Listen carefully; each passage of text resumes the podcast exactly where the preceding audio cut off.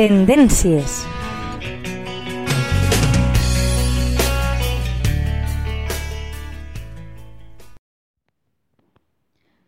Hola, amics de la teua ràdio. Benvinguts una setmana més al Tendències. Aquesta setmana parlarem de com afecta la pell la menopàusia. Eh, tot i que els fogots i l'augment de pes són les conseqüències més conegudes de la menopàusia, que aquesta setmana, el passat divendres, dia, 28, dia 18, perdó, va ser el, dia, el seu dia mundial, la pell també pateix alguns canvis, com la pèrdua de fermesa, també sequetat, to desigual i l'aparició de taques. Aquesta etapa sols aparèixer quan la dona es troba al voltant dels 50 anys i dura aproximadament entre 3 i 5 anys. Durant aquest temps, dos terços de les dones experimentaran eh, fogots, su eh, suors nocturns, canvis d'humor i irritabilitat. Eh, a més de, la, de, de no tenir la menstruació, eh, que això passa d'una manera paulatina, eh, fins a arribar a ausentar-se durant mesos i a vegades tornant d'una manera que no s'espera, no?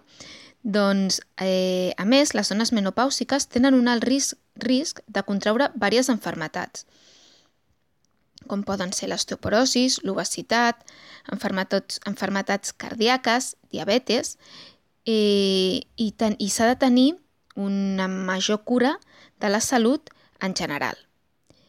Eh, a continuació, eh, us, eh, us donarem una sèrie de consells per aliviar els símptomes de la menopàusia.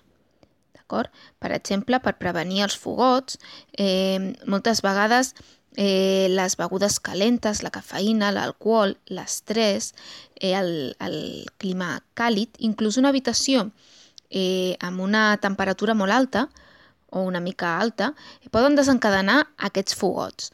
Eh, també certs aliments eh, ens poden provocar suors nocturns i canvis d'humor. Així que, eh, que és més que probable, doncs, per exemple, no prendre'ls eh, en el sopar abans d'anar-nos a dormir. D'acord? Eh, per disminuir les molèsties vaginals, es recomana utilitzar un lubricant vaginal a base d'aigua i sense glicerina. D'acord? Eh, també es recomana dormir eh, lo suficient. D'acord? Eh, per tant, és no aconsellable prendre cafeïna per la tarda, tarda ni beure massa alcohol, ni fer exercici a última hora del dia. També recomana no fumar, practicar exercici regularment, d'acord? Aprendre a relaxar-se, eh, amb tècniques de respiració profundes, meditació, massatges. I també és molt important beure lo suficient, eh, aigua suficient i seguir una dieta equilibrada. A part d'aquests consells, que com a de, mm, terme general doncs, poden seguir totes aquelles dones que estiguin patint la menopàusia, també un dels, de, de, dels efectes d'aquesta aquest, menopausa és el, a la pell. D'acord? L'organisme pateix una sèrie de canvis, com la disminució dels estrògens i de col·làgen, que tenen com a conseqüència una pèrdua de l'elasticitat i la falta d'hidratació a la pell. I, per tant, la pell es torna més fràgil i més susceptible de lesions. D'acord? Eh, perquè una pell fresca, jove i tersa eh, puguem tornar a tenir aquesta pell fresca, perdó, eh, és recomanable l'ús de eh, cosmètics que continguin antioxidants. I aquests antioxidants són, per exemple, la vitamina C i la vitamina E. D'acord?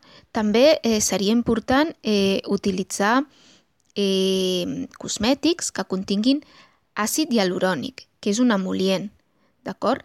I el que fa és eh, restaura eh, la barrera protectora de la pell i fa que l'epidermis es torni més gruixuda, incrementa el grosor d'aquesta epidermis. I el que no podem oblidar és el factor de protecció solar, que és fundamental per prevenir la, el fotoenvelliment. D'acord? I també, si ens, ho, si ens interessa i ens ho podem permetre, serien aconsellables a uns tipus de tractaments estètics facials, com per exemple temes de làser, peelings químics, eh, mesoteràpia, eh, etc. O també si ho necessitem doncs, tractaments reductors per la cel·lulitis i per la flacidesa. Bé, espero que us hagi agradat la secció d'aquesta setmana i fins la setmana que ve.